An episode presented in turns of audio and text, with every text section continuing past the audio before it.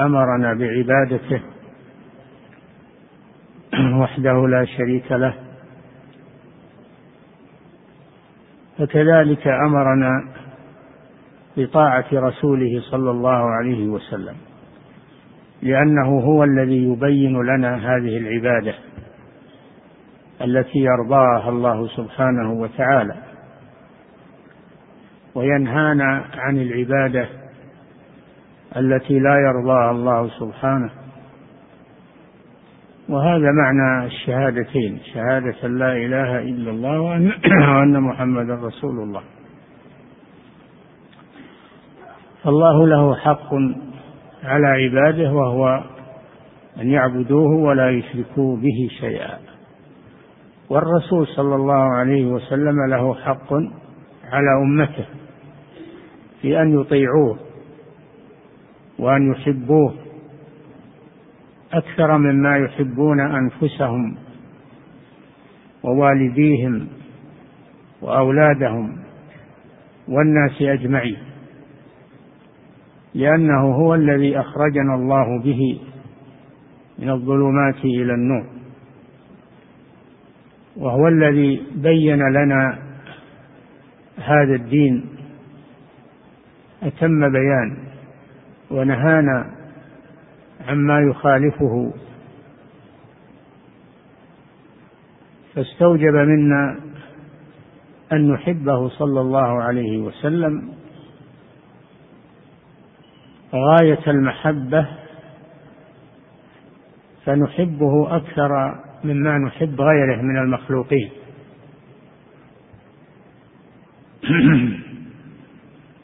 فهو أحب المخلوقين إلى المؤمنين.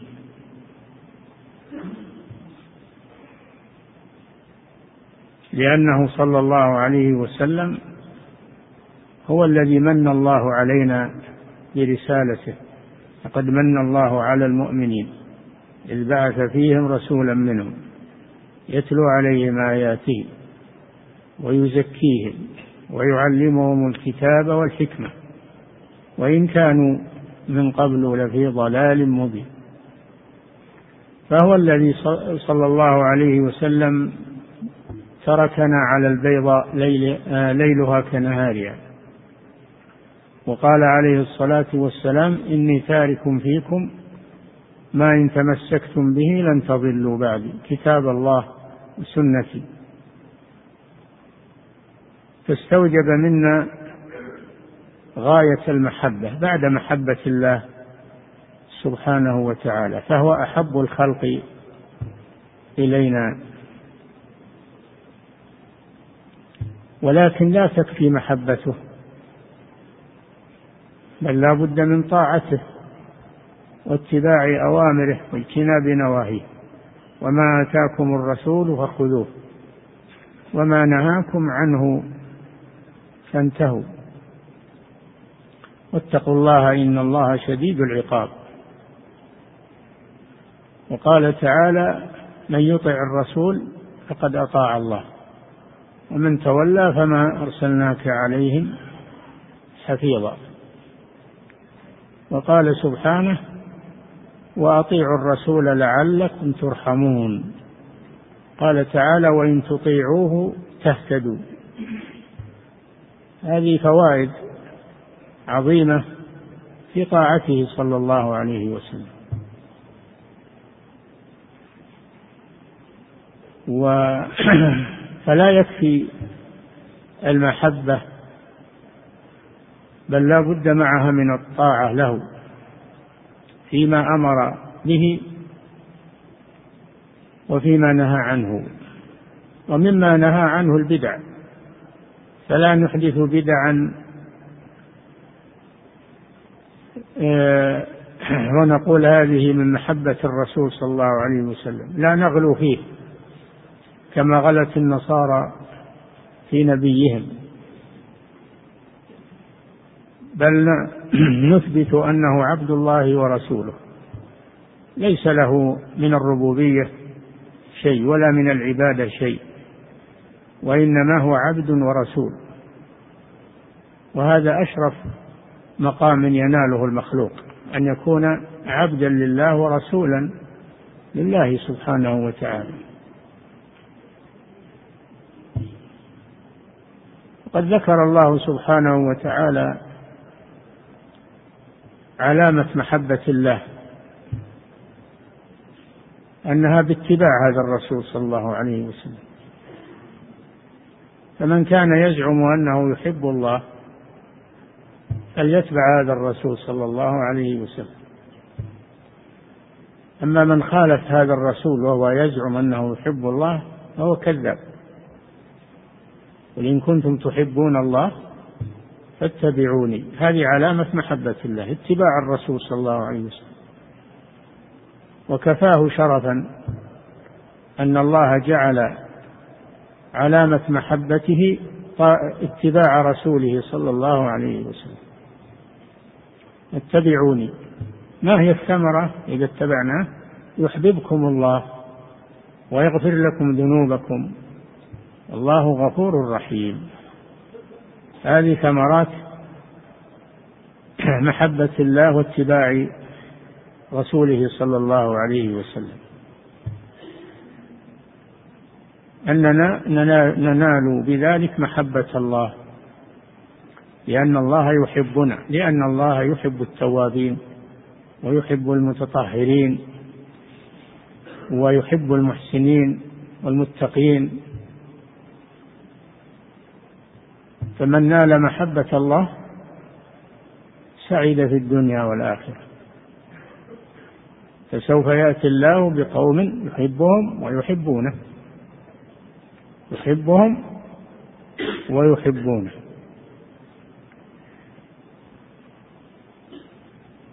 فهذه محبة الرسول صلى الله عليه وسلم. وهذا مقدار الرسول صلى الله عليه وسلم عند الأمة أنه هو القدوة الوحيدة. فقد كان لكم في رسول الله أسوة حسنة لمن كان يرجو الله واليوم الآخر فهو القدوة الدال على الله سبحانه وتعالى. ليس لنا طريق إلى الله إلا من طريق هذا الرسول صلى الله عليه وسلم. ولن يصل أحد إلى الله إلا عن طريق هذا الرسول صلى الله عليه وسلم. فهذه حقائق يجب معرفتها. كما أنه لا يجوز أن نساوي حق الرسول بحق الله. بل حق الرسول بعد حق الله سبحانه وتعالى. ولهذا يقول العلامة ابن القيم لله حق ليس لعبده ولعبده حق هما حقان. لا تجعل الحقين حقا واحدا من غير تفصيل ولا فرقان. من غير تمييز ولا ولا فرقان. الله له حق والرسول له حق. فلا نجعل حق الرسول مثل حق الله؟ فنعبده أو نستغيث به أو نغلو في حقه صلى الله عليه وسلم. نعم. وقال تعالى وإن تطيعوه تهتدوا. وإن تطيعوا هذا الرسول صلى الله عليه وسلم تهتدوا. تهتدوا والهداية ضد الضلال. فالذي يطيع الرسول ينجو من الضلال والذي لا يطيعه يضل. فيؤخذ من قوله وإن تطيعه تهتدوا أن الذي لا يطيعه يضل. نعم. وقال الله تعالى ومن يطع الله ورسوله يدخله جنات تجري من تحتها الأنهار خالدين فيها وذلك الفوز العظيم. نعم. تارة يذكر طاعة الرسول مع طاعته سبحانه. وأطيعوا الله وأطيعوا الرسول. يا أيها الذين آمنوا أطيعوا الله وأطيعوا الرسول. وتارة يذكر طاعة الله وحدها. وتارة يذكر طاعة الرسول صلى الله عليه وسلم وحدها. نعم. وقال الله تعالى ومن يطع الله ورسوله يدخله جنات تجري من تحتها الأنهار خالدين فيها وذلك الفوز العظيم. وأمثال ذلك من يطع الله ورسوله يعني ويطيع رسوله. يدخله جنات تجري من تحتها الأنهار خالدين فيها وذلك الفوز العظيم. ومن يعص الله ورسوله ويتعدى حدوده يدخله نارا خالدا فيها وله عذاب مهين. نعم. وأمثال ذلك في القرآن كثير. أنه يقرن طاعة الرسول صلى الله عليه وسلم مع طاعته سبحانه وتعالى. نعم. ولا ينبغي لأحد أن يخرج في هذا عما مضت به السنة وجاءت به الشريعة ودل عليه الكتاب والسنة وكان عليه سلف الأمة. وما وما علمه وما علمه قال به وما لم يعلمه أمسك عليه ولا يقف ما ليس له به علم. لا يسع أحدا من المسلمين إلا هذا أن يطيع الله ورسوله. لا يسع أحدا إلا هذا. فالذي لا يطيع الله ولا يطيع رسوله هذا من أهل النار خالدا مخلدا فيها. إذا كانت معصيته مكفرة نسأل الله العافية. فلا أحد يسعه أن يخرج عن طاعة الله وطاعة رسوله ولا يخرج عما عليه المسلمون. لا يشذ ويخرج عما عليه المسلمون الذين هم على منهج السلف الصالح. أما المسلمون المتسمين بالإسلام وهم على غير منهج السلف الصالح فهؤلاء لا عبرة بهم. إنما المراد المسلمين الذين اقتفوا منهج السلف الصالح. السابقون الأولون من المهاجرين والأنصار والذين اتبعوهم بإحسان رضي الله عنهم ورضوا عنه والذين جاءوا من بعدهم يقولون ربنا اغفر لنا ولإخواننا الذين سبقونا بالإيمان ولا تجعل في قلوبنا غلا للذين آمنوا. ربنا إنك رؤوف رحيم.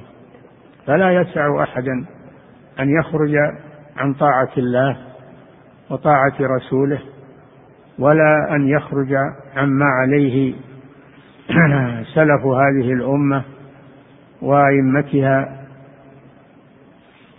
نعم. ولا ينبغي لأحد أن يخرج في هذا عما مضت به السنة وجاءت به الشريعة ودل عليه الكتاب والسنة وكان عليه سلف الأمة. نعم. المنهج هو ما دل عليه الكتاب وهو القرآن والسنة وهي الأحاديث الثابتة عنه صلى الله عليه وسلم. ثم بعد الكتاب والسنة ما عليه سلف الأمة لأن سلف الأمة هم الذين ساروا على منهج الكتاب والسنة عن فهم وعن فقه ومعرفة تلقوا ذلك عن رسول الله صلى الله عليه وسلم. نعم. وما علمه قال به وما لم يعلمه أمسك عليه. نعم وكذلك من الواجب على المسلم على المسلمين عموما وعلى العلماء وطلبة العلم خصوصا. أن ما علمه من الكتاب والسنة قال به وما لم يعلمه توقف عنه ولا يتخرص لا يتخرص ويأتي برأيه وب لا نحن متعبدون باتباع الكتاب والسنة. إذا كان عندك دليل من الكتاب والسنة تقول قل به وإذا لم يكن عندك دليل فإنك تتوقف. الأمر ليس كما يقولون حرية الرأي حرية الرأي هذه هي أهلكة العالم. فنحن محكومون بكتاب الله وبسنة رسول الله صلى الله عليه وسلم. وليست المسألة مسألة رأي مسألة مسألة اتباع واقتداء. نعم. وما علمه قال به وما لم يعلمه أمسك عليه. نعم لأن الله جل وعلا قال ولا تقف ما ليس لك به علم إن السمع والبصر والفؤاد كل ذلك كان عنه مسؤولا وجعل القول عليه بغير علم فوق الشرك.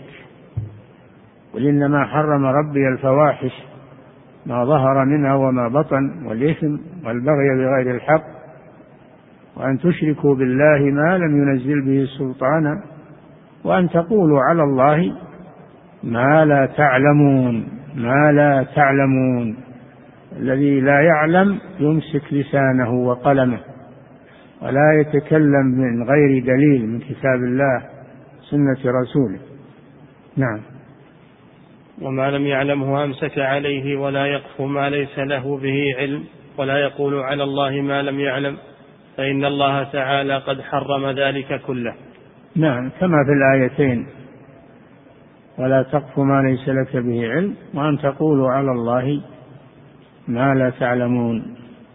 نعم. وقد جاءت في الأحاديث النبوية ذكر ما يسأل الله تعالى به كقوله كقوله صلى الله عليه وسلم. وهذه القاعدة التي ذكرها الشيخ ليدخل تحتها ما هو بصدد الكلام عنه وهو التوسل. التوسل. الذي أصبح شغل الناس الشاغل التوسل إذا كان موافقا للكتاب والسنة فهو حق. وذلك التوسل بالأعمال الصالحة التوسل إلى الله بأسمائه وصفاته هذا هو التوسل المشروع. التوسل بعمل الطاعات التي تقرب إلى الله هذه هي الوسيلة المشروعة. الأعمال الصالحة آه، اتباع الرسول صلى الله عليه وسلم توسل إلى الله بأسمائه وصفاته هذا هو التوسل المشروع الذي دل عليه الكتاب والسنة. أما التوسل بذوات المخلوقين أو بجاههم أو اتخاذهم شفعاء أو يقربون إلى الله زلفى فهذا هو التوسل الممنوع الباطل. لأنه ليس في الكتاب ولا في السنة. نعم. وقد جاء في الأحاديث النبوية ذكر ما يسأل الله تعالى به كقوله صلى الله عليه وسلم اللهم إني أسألك بأن لك الحمد لا إله إلا أنت المنان بديع السماوات والأرض يا ذا الجلال والإكرام يا حي يا قيوم نعم. نعم. هذا من التوسل المشروع أن تتوسل إلى الله بالتوحيد لأن لك الحمد المنان بأسمائه وصفاته وبتوحيده وطاعته هذا هو التوسل المشروع. أعيد الحديث. كقوله صلى الله عليه وسلم اللهم إني أسألك بأن لك الحمد. نعم. لا إله إلا أنت المنان. توحيد. هذا توسل إلى الله بالتوحيد وبالأسماء والصفات.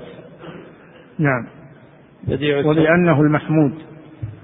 وبأنه المحمود سبحانه وتعالى على نعمه. نعم. لا إله إلا أنت المنان بديع السماوات والأرض. يا ذا الجلال والإكرام يا حي يا قيوم. هذا فيه أن من أسماء الله المنان سبحانه وتعالى الذي يمن على خلقه. بل الله يمن عليكم أن هداكم للإيمان. نعم. رواه أبو داود وغيره. نعم. وفي لفظ اللهم إني أسألك بأني أشهد أنك أنت الله لا إله إلا أنت الأحد الصمد الذي لم يلد ولم يولد ولم يكن له كفوا أحد. رواه أبو داود والنسائي وابن ماجه. نعم. توسل بالتوحيد. بتوحيده لله. توسلوا بذلك. لأن التوسل بالأعمال الصالحة مشروع. والتوحيد هو أعظم الأعمال الصالحة. نعم. وقد اتفق العلماء على أنه لا ينعقد اليمين بغير الله تعالى وهو الحلف بالمخلوقات. نعم. والتوسل الممنوع أن تقول أسألك بنبيك أو بفلان. هذا ممنوع لأن معناه الحلف على الله بمخلوق. أسألك بنبيك أي أحلف عليك. بنبيك والحلف بغير الله لا يجوز بين الناس ولا بين الناس وبين ربهم سبحانه وتعالى. من كان حالفا فليحلف بالله أو ليصمت. نعم. وقد اتفق العلماء على أنه لا ينعقد اليمين بغير الله تعالى وهو الحلف بالمخلوقات. نعم الحلف بالمخلوقات لا ينعقد لأنه ليس يمينا. نعم. فلو حلف بالكعبة أو بالملائكة أو بأحد من الشيوخ أو الملوك لم ينعقد يمينه. نعم لأنها يمين باطلة لأنها حلف بمخلوق. وقد قال النبي صلى الله عليه وسلم من حلف بغير الله فقد كفر أو أشرك. نعم. لم ينعقد يمينه ولا يشرع له ذلك بل ينهى عنه إما نهي تحريم وإما نهي تنزيه. نعم. ففي الصحيح عن النبي صلى الله عليه وسلم أنه قال من كان حالفا فليحلف بالله أو ليصمت. نعم. وفي الترمذي عنه صلى الله عليه وسلم أنه قال من حلف بغير الله فقد أشرك. نعم. ولم يقل أحد من العلماء المتقدمين إنه ينعقد اليمين بأحد من الخلق إلا في نبينا محمد صلى الله عليه وسلم. لم يقل أحد من العلماء إن الحلف بالمخلوق ينعقد إلا أنهم اختلفوا في الحلف بالنبي صلى الله عليه وسلم. هل ينعقد ويجوز أو لا ينعقد؟ والصحيح أنه لا ينعقد. لأن قوله صلى الله عليه وسلم من كان حالفا فليحلف بالله وليصمت هذا عام. وكذلك من حلف بغير الله فقد أشرك هذا عام. يعم الحلف بالأنبياء والملائكة لا يجوز هذا. الحلف بالمخلوق مطلقا لا يجوز. لأن الحلف بالم... لأن الحلف فيه تعظيم للمحلوف به. فيه تعظيم للمحلوف به. والتعظيم حق لله سبحانه وتعالى. فأنت إذا حلفت بشيء فقد عظمته. نعم. إلا في نبينا صلى الله عليه وسلم فإن عن أحمد روايتين رواية, رواية بالمنع ورواية بالجواز والراجح الرواية بالمنع لعموم الحديث. نعم. فإن عن أحمد روايتين في أنه ينعقد اليمين به. وقد طرد بعض أصحابه كابن عقيل الخلاف في سائر الأنبياء وهذا ضعيف. نعم هذا القياس ضعيف لأن الأصل الذي هو الحلف بالنبي أيضا لا يسلم. إذا كان الأصل لا يسلم فلا يقاس عليه. نعم. وقد, وقد طرد بعض أصحابه كابن عقيل الخلاف في سائر الأنبياء وهذا ضعيف وأصل القول بانعقاد اليمين بالنبي ضعيف شاذ. هذا هو القياس ضعيف لأن الأصل ضعيف. نعم. ولم يقل به أحد من العلماء فيما نعلم والذي عليه الجمهور كمالك والشافعي وأبي حنيفة أنه لا ينعقد اليمين به كإحدى الروايتين عن أحمد وهذا هو الصحيح. نعم الرواية الثانية عن أحمد أنها لا تنعقد اليمين بالنبي صلى الله عليه وسلم وعليه الجمهور وبقية الأئمة وهو الصحيح لعموم الحديث. نعم. وكذلك لا يستعاذ بالمخلوقات بل إنما يستعاذ بالخالق تعالى وأسمائه وصفاته. الاستعاذة معناها اللجوء أو اللجئ إلى من يحميك من من أذى المخلوقين من أذى الشياطين والجن وبني آدم. فلا يجوز الاستعاذة إلا بالله سبحانه وهي نوع من أنواع العبادة. فمن استعاذ بمخلوق فقد أشرك. بالله عز وجل. فلا تستعذ إلا بالله. من استعاذ بغير الله فقد أشرك. وقد كانوا في الجاهلية إذا نزلوا في مكان يقول أحدهم أعوذ بسيد هذا الوادي يعني من الجن من شر سفهاء قومه. فالنبي صلى الله عليه وسلم أبدل هذه التعويذة الشركية بتعويذة التوحيد. فقال من نزل منزلا فقال أعوذ بكلمات الله التامات. لم يضره شيء حتى يرحل من منزله ذلك. كلمات الله وكلمات الله من صفاته والاستعاذة بالله أو بصفاته مشروع. نعم. وكذلك لا يستعاذ بالمخلوقات بل إنما يستعاذ بالخالق تعالى وأسمائه وصفاته. فهو الذي يجير ولا يجار عليه سبحانه وتعالى. نعم. ولهذا احتج السلف كأحمد وغيره على أن كلام الله غير مخلوق. لماذا؟ لأن النبي صلى الله عليه وسلم قال من قال أعوذ بكلمات الله التامات. والاستعاذة بالمخلوق لا تجوز فدل على أن القرآن غير مخلوق لأنه من كلام الله سبحانه وتعالى. نعم. ولهذا احتج السلف كأحمد وغيره على أن كلام الله غير مخلوق فيما احتجوا به بقول النبي صلى الله عليه وسلم أعوذ بكلمات الله التامات. نعم. قالوا فقد استعاذ بها ولا يستعاذ بمخلوق. فدل على أن كلام الله غير مخلوق إنما هو صفة من صفاته سبحانه وتعالى. وهذا هذا رد على الجهمية والمعتزلة الذين يقولون كلام الله مخلوق. تعالى الله عما يقولون.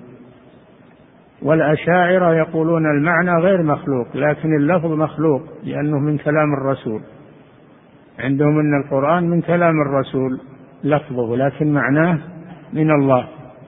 وهذا تلفيق. هذا تلفيق بين قول أهل السنة وقول الجهمية.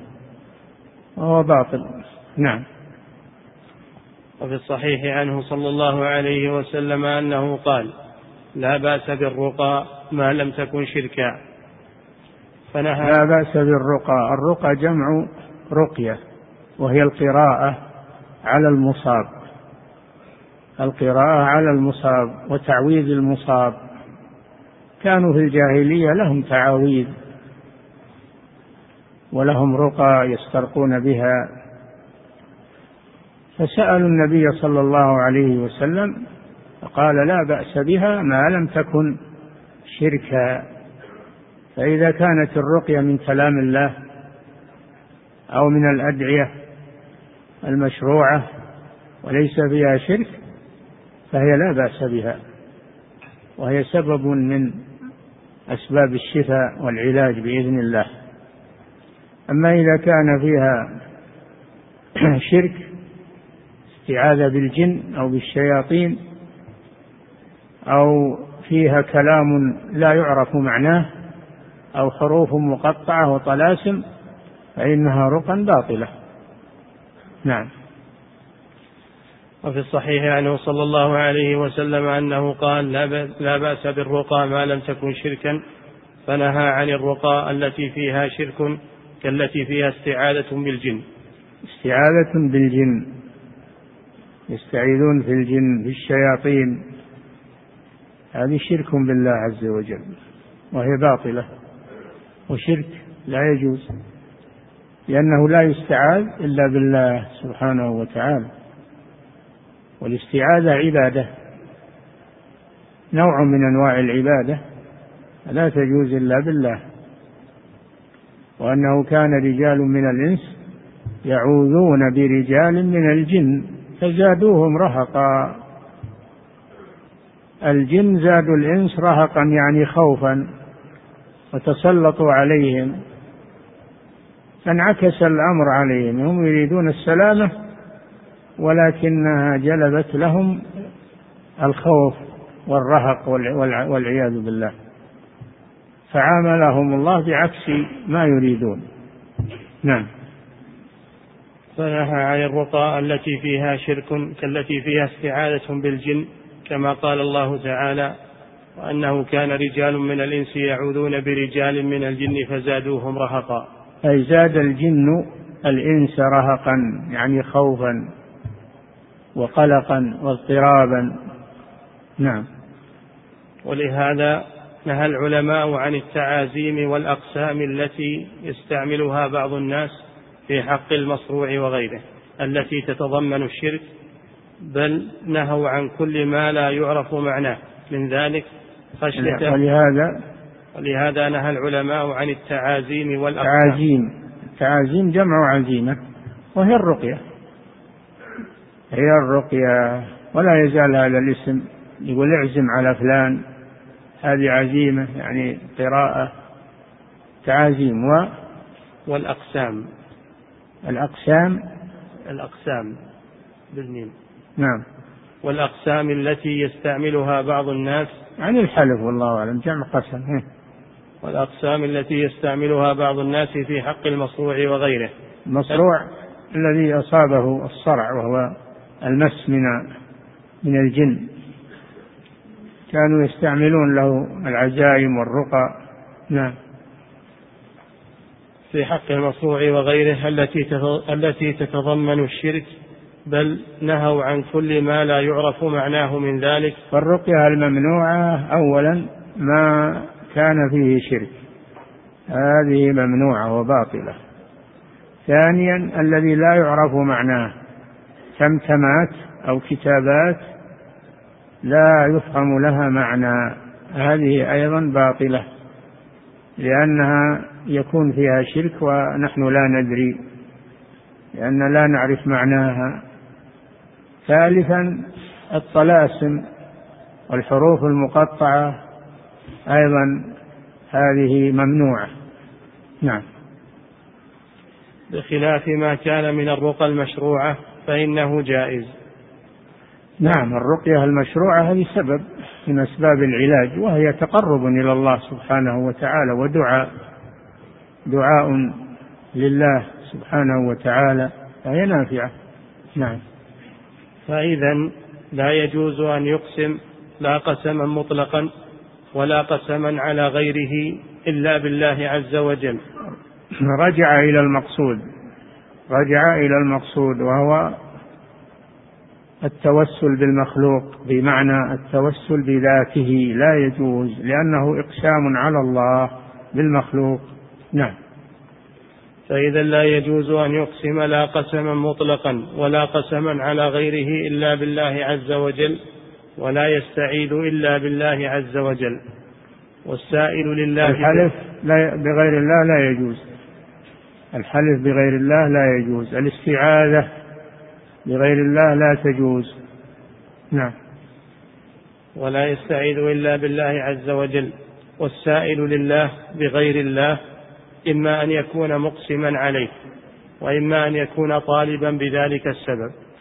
كما إذا قال أسألك إذا قال إذا قال اللهم إني أسألك بفلان فالباء هذه بفلان. الأصل أنها للقسم. وقد تكون للسبب. وكلاهما باطل. القسم لأنه شرك والسبب لأن هذا ليس سببا. لم يجعل الله ذلك سببا في الدعاء. كلاهما باطل. نعم. والسائل لله بغير الله. إما أن يكون مقسما عليه وإما أن يكون طالبا بذلك السبب.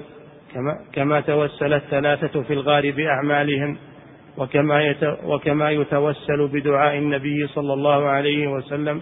توسل المشروع هو كما تكرر أنه توسل إلى الله بأسمائه وصفاته. توسل إلى الله بالأعمال الصالحة. كما دلت على ذلك الأدلة. التوسل إلى الله بدعاء نبيه في حياته أو بدعاء الصالحين من بعده. كل هذا جائز. كل هذا جائز. أن تطلب من أخيك أن يدعو لك. أن يدعو لك. نعم. وكما يتوسل بدعاء النبي صلى الله عليه وسلم والصالحين. توسل بدعاء النبي صلى الله عليه وسلم في حياته. أما بعد موته فلا يطلب من النبي صلى الله عليه وسلم دعاء لأن الصحابة ما طلبوا منه بعد موته وكانوا يطلبون منه في حال حياته كما سبق. نعم ولكن يبقى دعاء الصالحين من هذه الأمة فيطلب من الصالحين الدعاء بالغيث الدعاء بالشفاء الدعاء لك بحاجتك. نعم. فإذا كان إقساما على الله بغيره فهذا لا يجوز. وإن كان سؤالا بسبب يقتضي المطلوب كالسؤال بالأعمال التي فيها طاعة الله ورسوله مثل السؤال بالإيمان بالرسول. مثل الحديث الذي مر. أسألك بأني أشهد أن لا إله إلا أنت. الباء هذه إيش؟ الباء هذه سببية أي بسبب أني أشهد أن لا إله إلا أنت. هذا سبب مشروع. نعم. وإن كان سؤالا بسبب يقتضي المطلوب كالسؤال بالأعمال التي فيها طاعة الله ورسوله مثل السؤال بالإيمان بالرسول ومحبته وموالاته ونحو ذلك فهذا جائز. ربنا آمنا بما أنزلت واتبعنا الرسول. اكتبنا مع الشاهدين. ربنا إننا سمعنا مناديا ينادي للإيمان. هو الرسول صلى الله عليه وسلم. فآمنا به. ربنا فاغفر لنا ذنوبنا وكفر عنا سيئاتنا وتوفنا مع الأبرار. ربنا وآتنا ما وعدتنا على رسلك. ولا تخزنا يوم القيامة. إنك لا تخلف الميعاد.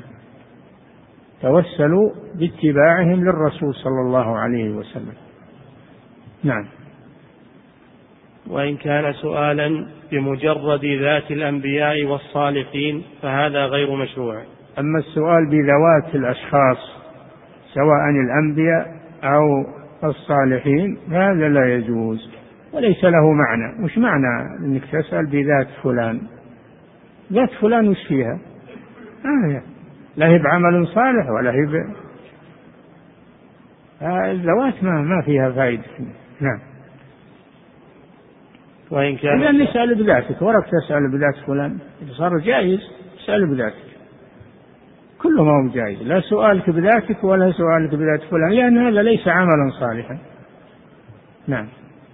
وإن كان سؤالا بمجرد ذات الأنبياء والصالحين فهذا غير مشروع وقد نهى عنه غير واحد من العلماء وقالوا إنه لا يجوز. ورخص فيه بعضهم والأول أرجح كما تقدم. وهو سؤال هو في الحقيقة ما تجد مسألة إلا وقد يكون فيها خلاف. إلا وقد يكون فيها خلاف. لكن العبرة ليست بالخلاف. العبرة بالدليل. الذي معه الدليل يؤخذ بقوله. أما الذي ليس معه دليل فيترك. ولا نقول هذه مسألة فيها خلاف. نقول ما هو الدليل؟ إذا قلت فيها خلاف قلت ما هو الدليل؟ بين لنا الدليل. مع من؟ أما أن نتبع الناس من غير دليل هذا لا يجوز. ليس الخلاف مبررا لأنك تفعل ما تشاء. ولكن تشوف اللي عليه دليل تأخذ به. وإن كنت لا تعرف تسأل أهل العلم. أي الأقوال فيه دليل؟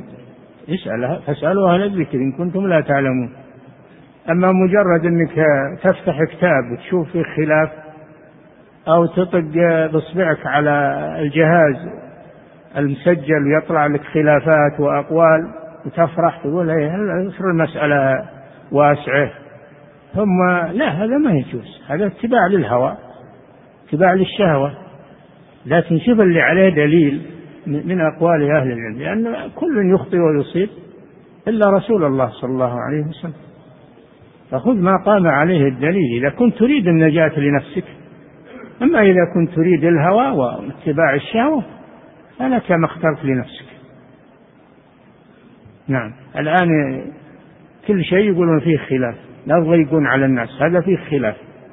الخلاف ما هو مبرر يا أخي. خلاف ما هو مبرر. خلاف يخطي ويصيب. نحن لا نأخذ إلا بالدليل من الكتاب والسنة. فمن وافق الدليل أخذنا بقوله. ومن خالف الدليل تركناه. وأما هو في نفسه قد يكون مجتهدا وله أجر أو يكون صاحب هوى عليه وزر. كيف؟ ما علينا منه. نعم. وهو سؤال بسبب لا يقتضي حصول المطلوب. السؤال بالذات لا يقتضي لا يقتضي حصول المطلوب. وش المناسبة بذات فلان؟ وش الفرق بين الذوات؟ كل الدنيا ذوات. الإنسان ذات الحيوان ذات ال... كل شيء له ذات. الذات نفسها ما فيها فرق إنما الفرق بالعمل والاتباع والاقتداء هذا هو الذي فيه الفرق. نعم. وهو سؤال بسبب لا يقتضي حصول المطلوب بخلاف من كان طالبا بالسبب المقتضي لحصول المطلوب كالطلب منه سبحانه بدعاء الصالحين وبالأعمال الصالحة. فأنت لو قلت أسألك بذات فلان من عبادك الصالحين بذاته. أسألك به به. هذا لا يجوز لأن الذات ليس لها تأثير. إنما الكلام على الدعاء. فتقول ادعو لي يا فلان أن أن الله أن الله يشفيني يرزقني الدعاء عبادة لكن الذات هل هي عبادة؟ ما الذات ما لها يعني تأثير أبدا. الذي له تأثير بإذن الله هو الدعاء. فبدل أن تقول أسألك بفلان تقول أسألك بدعاء فلان أن يدعو لي. كما قال كما قال الرجل الأعمى لما دعا له الرسول صلى الله عليه وسلم قال اللهم شفعه شفعه في أي اقبل شفاعته في. شفاعته في الأعمى هي الدعاء. شفع له يعني دعا له. نعم. بخلاف من كان طالبا بالسبب المقتضي لحصول المطلوب كالطلب منه سبحانه بدعاء الصالحين وبالأعمال الصالحة فهذا جائز. نعم. لأن دعاء الصالحين سبب لحصول مطلوبنا الذي دعوا به. وكذلك نعم. الأعمال الصالحة سبب لثواب الله لنا. الأعمال الصالحة التي من الداعي. أما أنك تسأل الله بأعمال غيرك بأعمال الصالحين هذا ما يصلح. أعمال الصالحين لهم. لكن الأعمال الصالحة التي لك أنت تتوسل بها إلى الله. أما أنك تقول أسألك بعمل الصحابي فلان أو التابعي فلان أو العالم فلان مش علاقتك بعمل فلان. ما لك علاقة به. نعم. وهذا جائز لأن دعاء الصالحين سبب لحصول مطلوبنا الذي دعوا به وكذلك الأعمال الصالحة سبب لثواب الله لنا. انتبهوا بالأعمال الصالحة التي من الداعي لا الأعمال الصالحة التي من الداعي لا من غيره لا أعمال غيره لا تتوسل بأعمال غيرك. ما تنفعك أعمال غيرك كل له عمله. فإذا أردت أن تتوسل بالأعمال انظر في أعمالك أنت. ولا تنظر إلى أعمال فلان وعلان تسأل الله بها لأن ليس لك فيها تعلق. كل له عمله. نعم. وإذا توسلنا بدعائهم وأعمالنا شوف بدعائهم وأعمالنا. ما قال بدعائهم وأعمالهم؟ نعم. وإذا توسلنا بدعائهم وأعمالنا كنا متوسلين إليه تعالى بوسيلة. نعم هي الوسيلة المشروعة وابتغوا إليه الوسيلة أي العبادة. ودعاء أخيك لك هذه عبادة. نعم. كما قال تعالى يا أيها الذين آمنوا اتقوا الله وابتغوا إليه الوسيلة. يا أيها الذين آمنوا اتقوا الله وابتغوا إليه الوسيلة. ما هي الوسيلة؟ هي العمل الصالح. سمي وسيلة لأن الوسيلة معناها القرب. والعمل الصالح يقربك إلى الله سبحانه وتعالى. الخرافيون والقبوريون يقولون لا الوسيلة أنك تجعل بينك وبين الله واسطة. من الموتى يشفع لك يدعو لك تذبح له تنذر له آه، تطوف بقبره. تستغيث به هكذا يفسرون الوسيلة والعياذ بالله. هذا تفسير باطل. الوسيلة هي العمل الصالح والعبادة لله عز وجل. أولئك الذين يدعون يبتغون إلى ربهم الوسيلة أي القرب منه سبحانه وتعالى. نعم. والوسيلة هي الأعمال الصالحة. وقال تعالى أولئك الذين يدعون يبتغون إلى ربهم الوسيلة. أولئك الذين يدعوهم المشركون. وهم آه، المسيح وأمه وعزير. هؤلاء المدعوون عباد لله يبتغون إلى ربهم الوسيلة ويرجون رحمته ويخافون عذابه. فكيف فكيف يدعون مع الله ويتقرب إليهم بالعبادة؟ وهم أنفسهم يعبدون الله ويبتغون إليه الوسيلة ويرجون رحمته ويخافون عذابه. نعم. وأما إذا لم نتوسل إليه سبحانه بدعائهم ولا بأعمالنا ولكن توسلنا بنفس ذواتهم لم تكن نفس ذواتهم سببا يقتضي إجابة دعائنا. نعم. الذات ما لها علاقة ولا لها تأثير. ولا لها تأثير عند الله جل وعلا. ولا فرق بين الذوات. إنما الفرق في العمل الصالح والدعاء والعبادة تقرب إلى الله هذا هو الفرق. نعم. لم تكن نفس ذواتهم سببا يقتضي إجابة دعائنا فكنا متوسلين بغير وسيلة. أي نعم بغير طاعة وبغير قربة. نعم. ولهذا لم يكن هذا منقولا عن النبي صلى الله عليه وسلم نقلا صحيحا ولا مشهورا عن السلف. توسل بالذوات لم يكن منقولا عن النبي صلى الله عليه وسلم نقلا صحيحا. شوف نقلا صحيحا يحتج به. أما قد ينقل بحديث موضوع أو حديث ضعيف هذا لا قيمة له. نعم.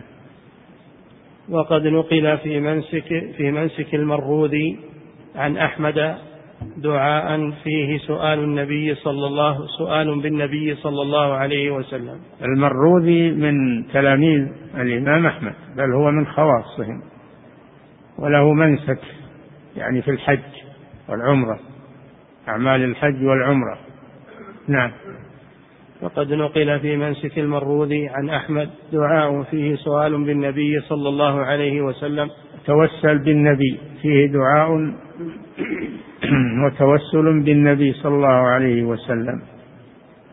فهذا إما أن يكون على رواية التي جاءت عن أحمد أن النبي صلى الله عليه وسلم يجوز الإقسام به فكذلك السؤال به.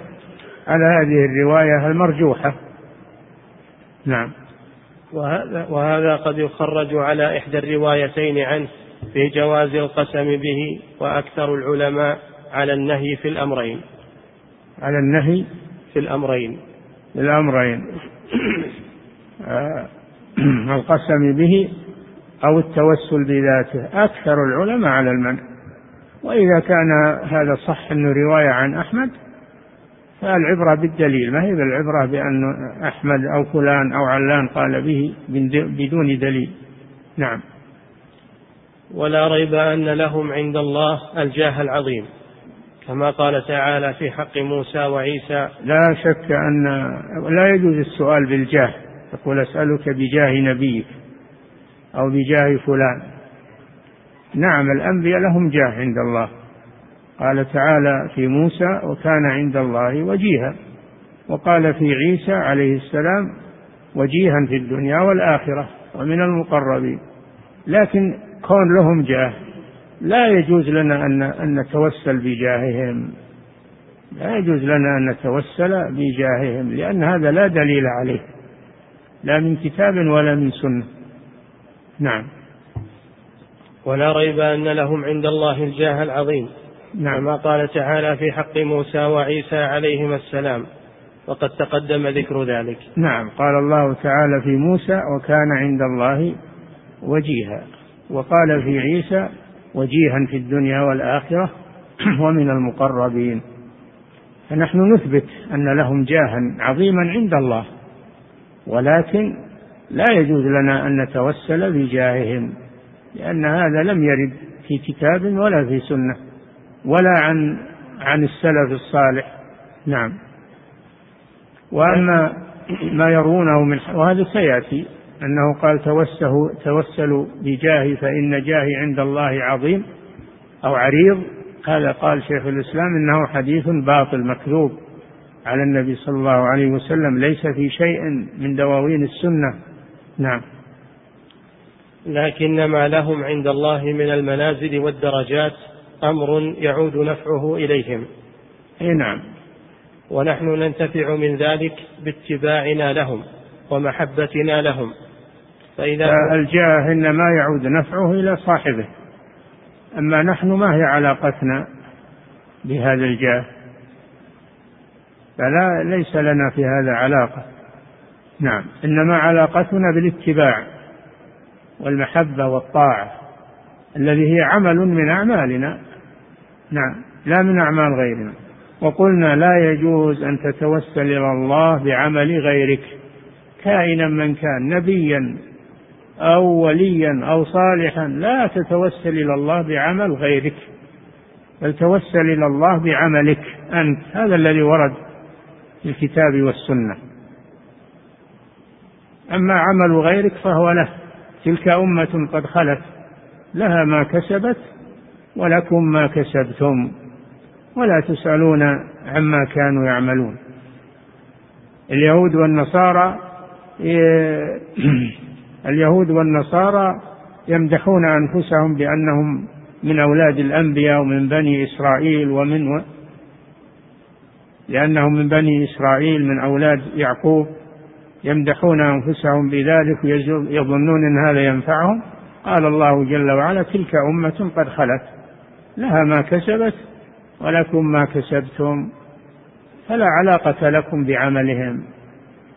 نعم إنما علاقتكم باتباعهم ومحبتهم وطاعتهم هذا عملكم أنتم.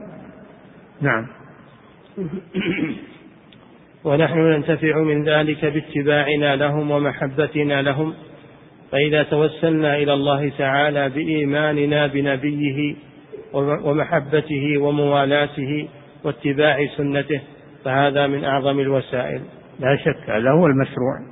لأنه عملك هذا عملك. المحبة الطاعة الاتباع هذا عملك أنت. توسل به إلى الله جل وعلا. نعم. وأما التوسل بنفس ذاته مع عدم التوسل بالإيمان به وطاعته فلا يجوز أن يكون وسيلة. التوسل بالذات ليس وسيلة ولا يقرب إلى الله. نعم. فالمتوسل بالمخلوق إذا لم يتوسل لا بما فالمتوسل بالمخلوق إذا لم يتوسل لا بما من المتوسل به. هذا فيه تصحيح طبعة النسخة الثانية عندكم. طبعة الإفتاء وش يقول؟ اللي معه طبعة الإفتاء قريب يا أحد معه نسخة الإفتاء هذا يا شيخ ما أصلح اللجة يجي واحد, يجي واحد يقرأ العبارة على معي يا شيخ. نعم؟ معي معك نعم. طيب صحح عليها. يقول صححوا عليها. نعم. إذا قرأ صحوا العبارة. نعم. يقول وأما التوسل بنفس ذاته مع عدم التوسل بالإيمان به وطاعته فلا يجوز أن يكون وسيلة. آه اتضح الآن. فالمتوسل بالمخلوق. النسخة هذه هي الصحيحة. نعم. فالمتوسل بالمخلوق إذا لم يتوسل بإيمان المتوسل به ولا بطاعته. فالمتوسل بالمخلوق. إذا لم يتوسل بإيمان المتوسل به. بالإيمان بالمتوسل به ها؟ بالإيمان نعم. بالإيمان بالمتوسل به ولا بطاعته. نعم واضح. بالإيمان بالمتوسل يعني الإيمان بالرسول صلى الله عليه وسلم. نعم. ولا بطاعته كذلك. نعم. فبأي شيء يتوسل؟ اي نعم. الذات ما لها ما لها تأثير. نعم إنما توسل بالرسول التوسل بطاعته التوسل بمحبته التوسل بدعائه صلى الله عليه وسلم في حياته. نعم. نعم. والإنسان إذا توسل إلى غيره بوسيلة فإما أن يطلب من الوسيلة الشفاعة له عند ذلك مثل أن يقول نقف عند هذه نعم.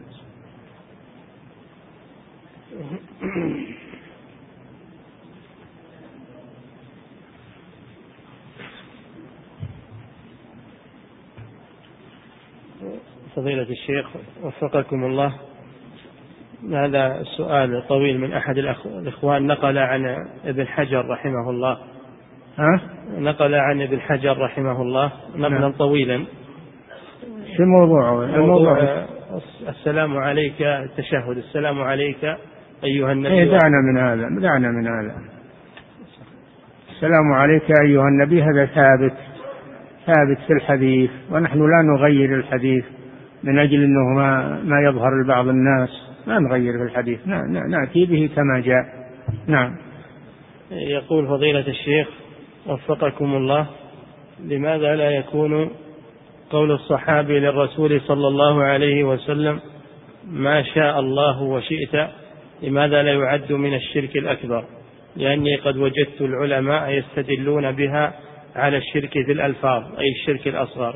أي نعم وهو كذلك. من الشرك الأصغر لأنه ما نوى لأن المتلفظ ما نوى أن الرسول شريك لله وإنما تلفظ بهذا فهو شرك أصغر بالألفاظ. الشرك الأصغر يكون بالألفاظ مثل لولا الله وأنت ما شاء الله وشئت ويكون بالنيات مثل الرياء. هذا شرك أصغر. نعم.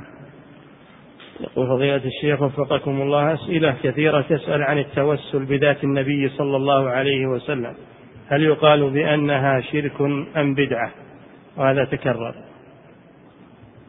هذا بدعة ما هو بشرك هذا بدعة. نعم. يقول فضيلة الشيخ وفقكم الله هناك بعض الأشخاص عندما تكلفه بعمل ما وتحرصه على هذا العمل يقول وكل الله.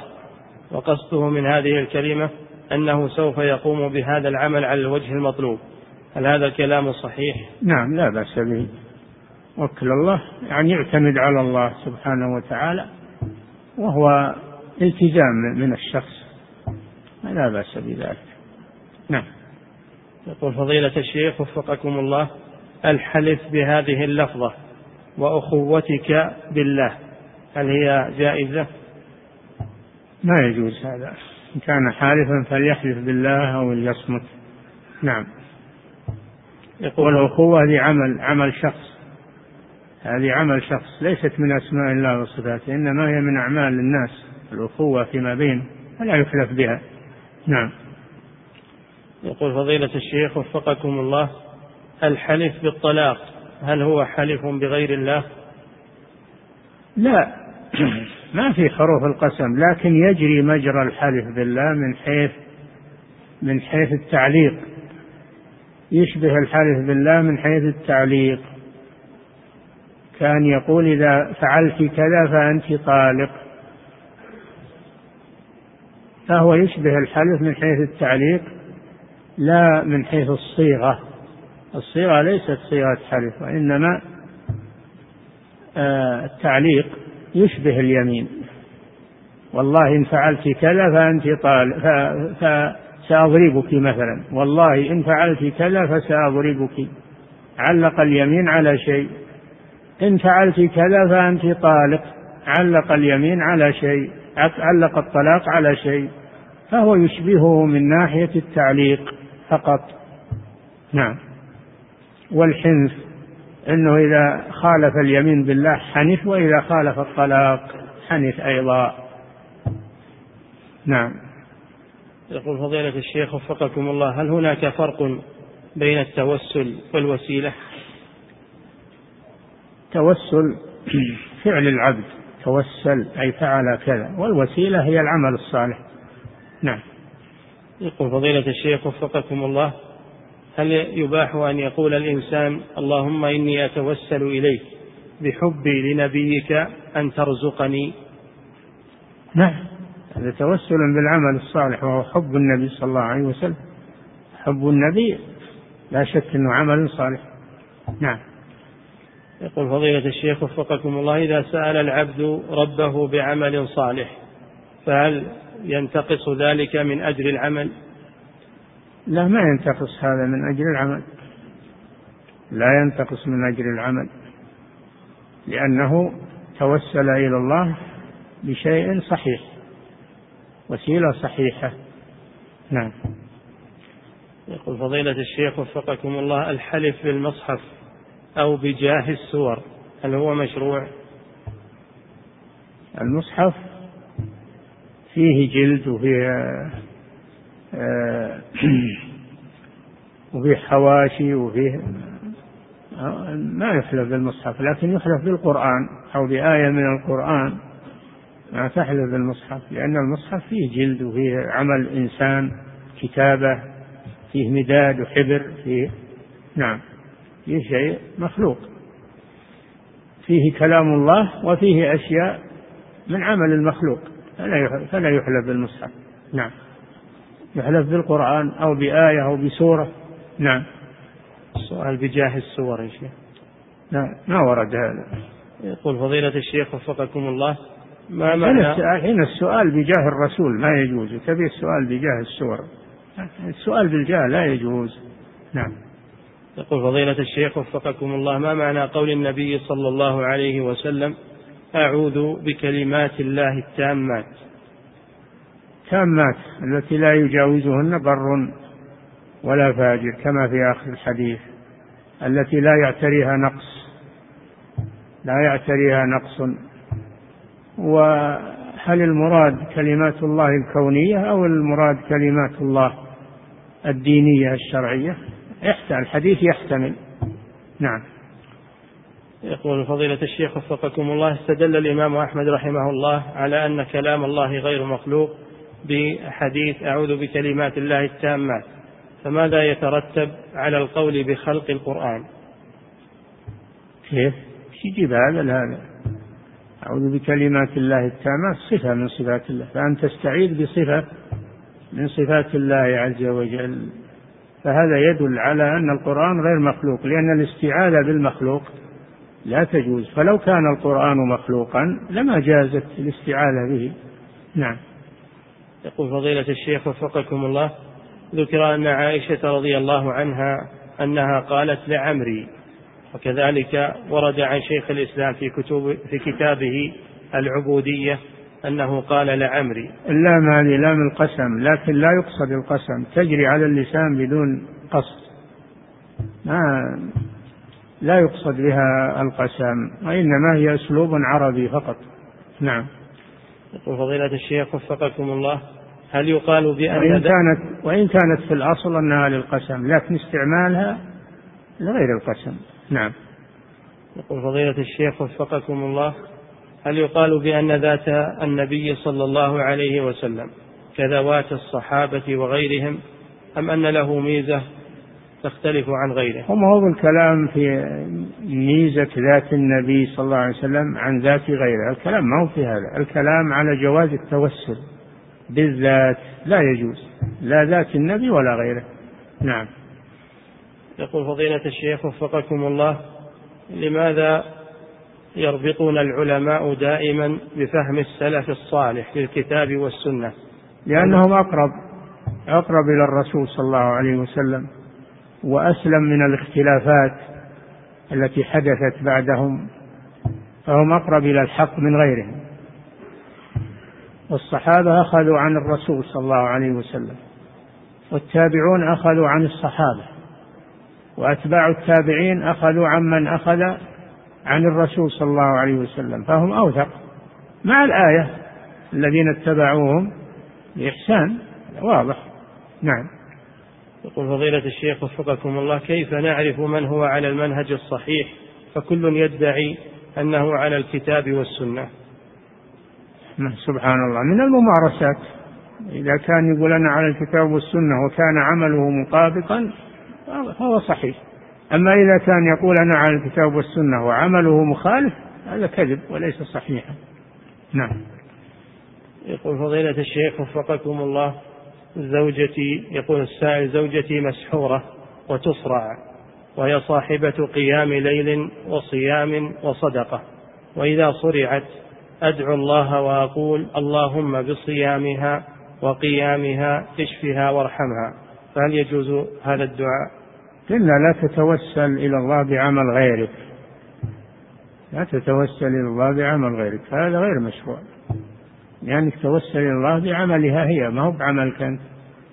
اللهم بصيامي وقيامي استجب دعائي فيها. يمكن هذا. نعم.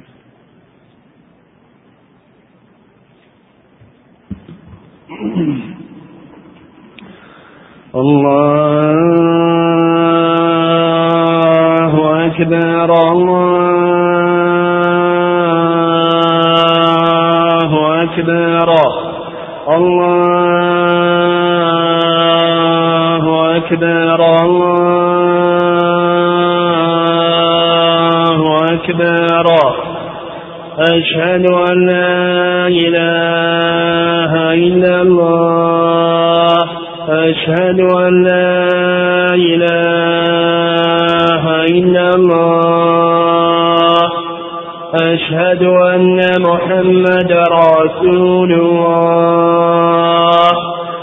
أشهد أن محمد رسول الله.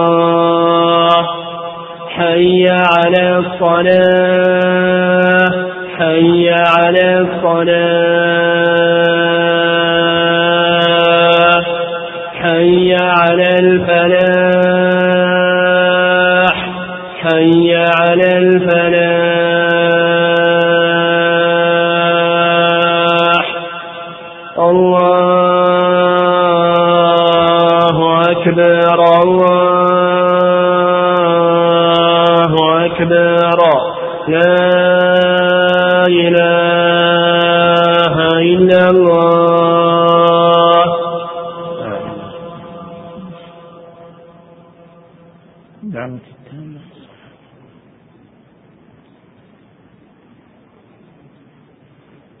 نعم. يقول فضيلة الشيخ وفقكم الله ما حكم من يرقي وهو ليس عنده؟ ما حكم من يرقي والمرقي ليس عنده بل بينه وبينه شاشة تلفاز كأن يكون عبر القنوات الفضائية. هذا عبث هذا من العبث وليس من الرقية. الرقية أن تكون على المريض مباشرة تنفث عليه وتمسح على محل الإصابة.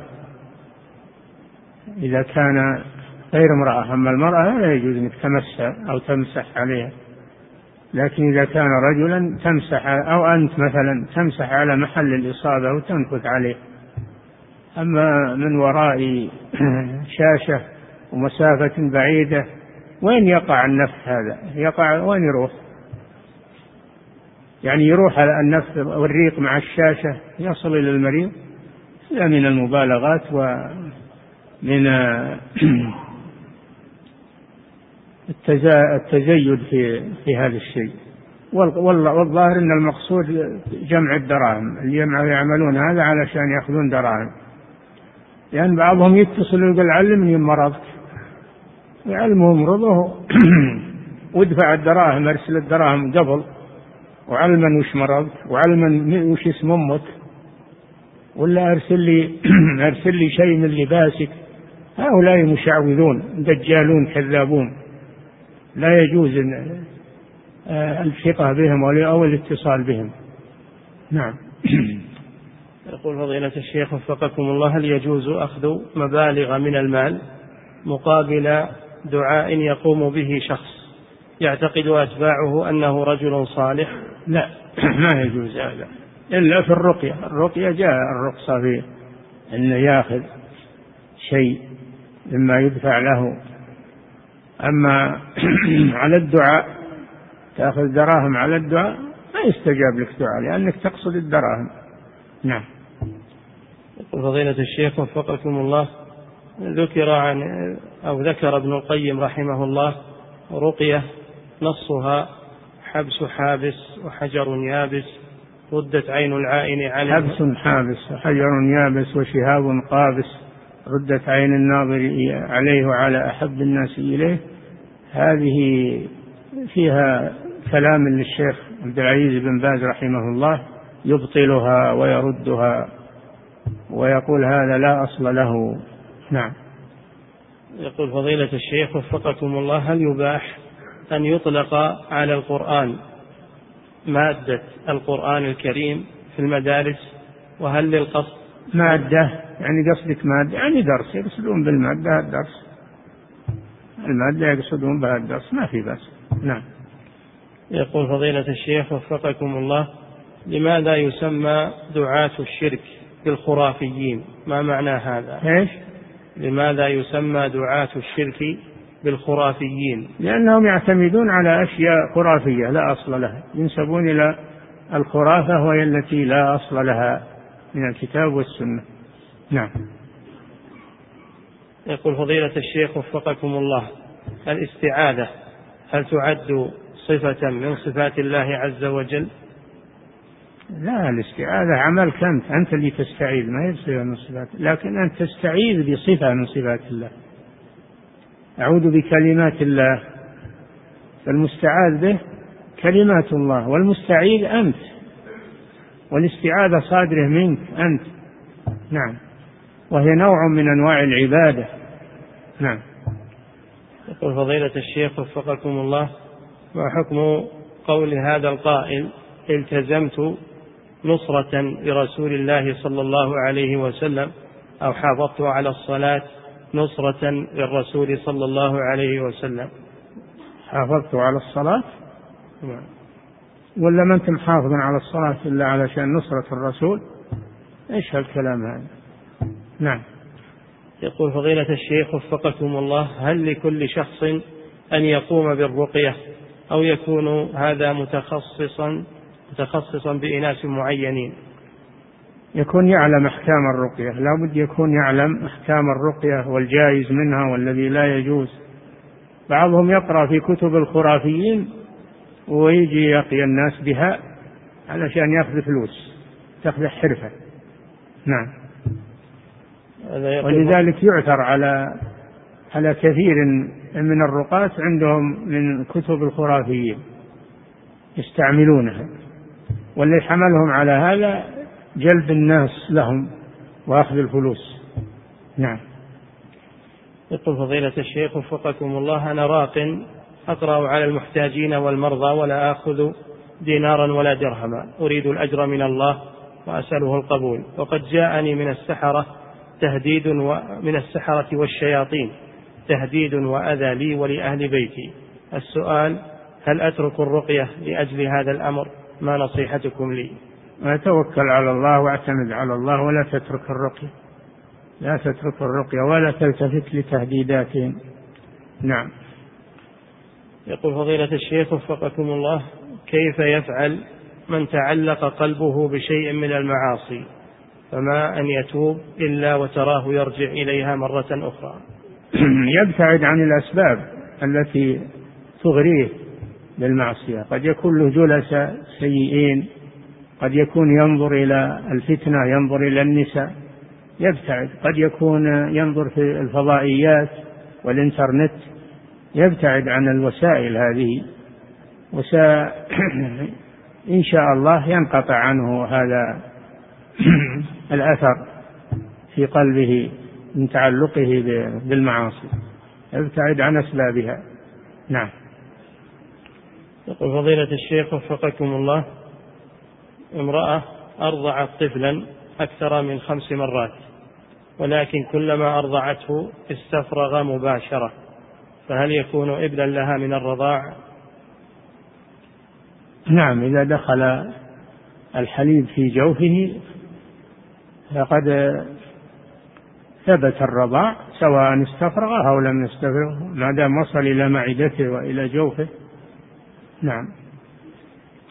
يقول فضيلة الشيخ وفقكم الله نجد في كتب الأصول والعقيدة بحث بعنوان هل الكفار مخاطبون بفروع الشريعة أو غير مخاطبين؟ السؤال يا فضيلة الشيخ ما ثمرة هذا هذه المسألة عند السلف إذا كان الكفار في النار؟ نعم. هذا مذهب الشافعي رحمه الله أن الكفار مخاطبون بفروع الشريعة والجمهور أنهم غير مخاطبين والثمرة إذا قيل أنهم مخاطبون يزاد في تعذيبهم يزاد في تعذيبهم على الكفر على تركهم الفرائض وعلى القول بأنهم غير مخاطبين يعذبون على الكفر يعذبون على الكفر والعياذ بالله وعذاب الكفر شديد. نعم. الثمرة ما هي واضحة لكن الخلاف موجود. نعم.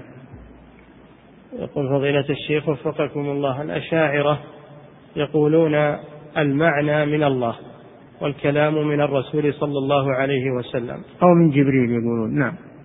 يقول فهل فهمي صحيح أن هذا هو مذهب الأشاعرة؟ نعم هذا هو مذهب الأشاعرة. يقولون القرآن هو المعنى القائم بذات الله القديم.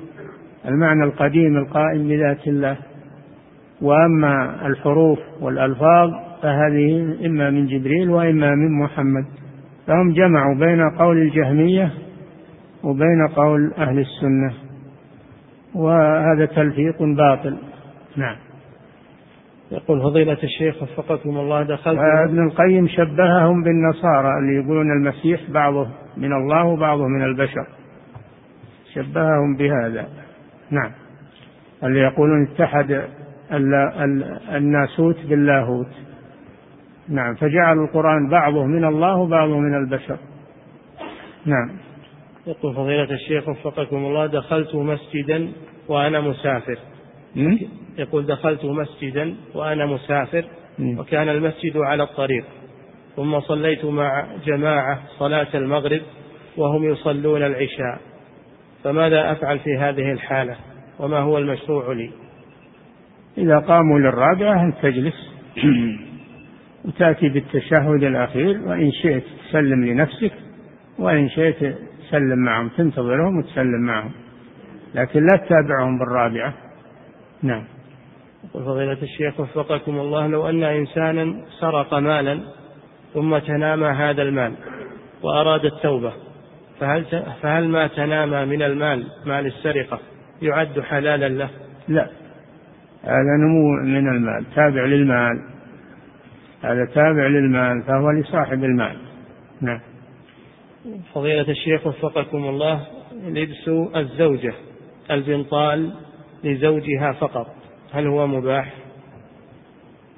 لا ما هو مباح لأنه يجره إلى لبسه تألفه وتلبسه دائما. وش الداعي للبس البنطال؟ داعي وش عند الزوج؟ هذا تدرب على البنطال فتح باب. نعم.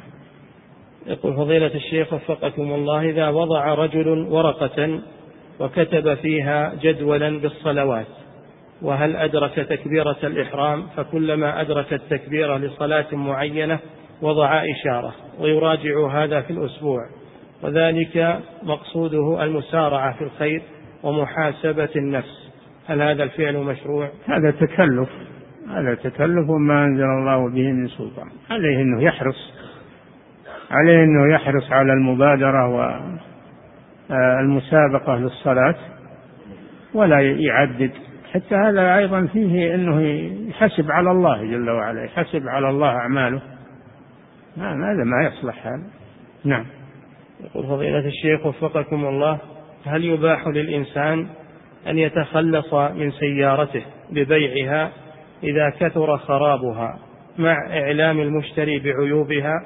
استدلالا بقول النبي صلى الله عليه وسلم لا شؤم إلا في ثلاثة وذكر منها الدابة. وما هو التفسير الصحيح لهذا الحديث؟ إذا ما أصلحت له السيارة يبيعها. ولو ما هو بشوم لو أن ما أصلحت له السيارة ما أصلحت له لأنها ما ما تجي على مطلوبه أو ما تكفي حاجته أو ما يبيع السيارة. المهم يبيع السيارة هو. يستريح منها لصار ما هي ما هي بصالحة له. سواء جديدة ولا معيبة ما دامت ما هي بصالحة يبيعها. نعم. انتهى. والله تعالى أعلم وصلى الله وسلم على نبينا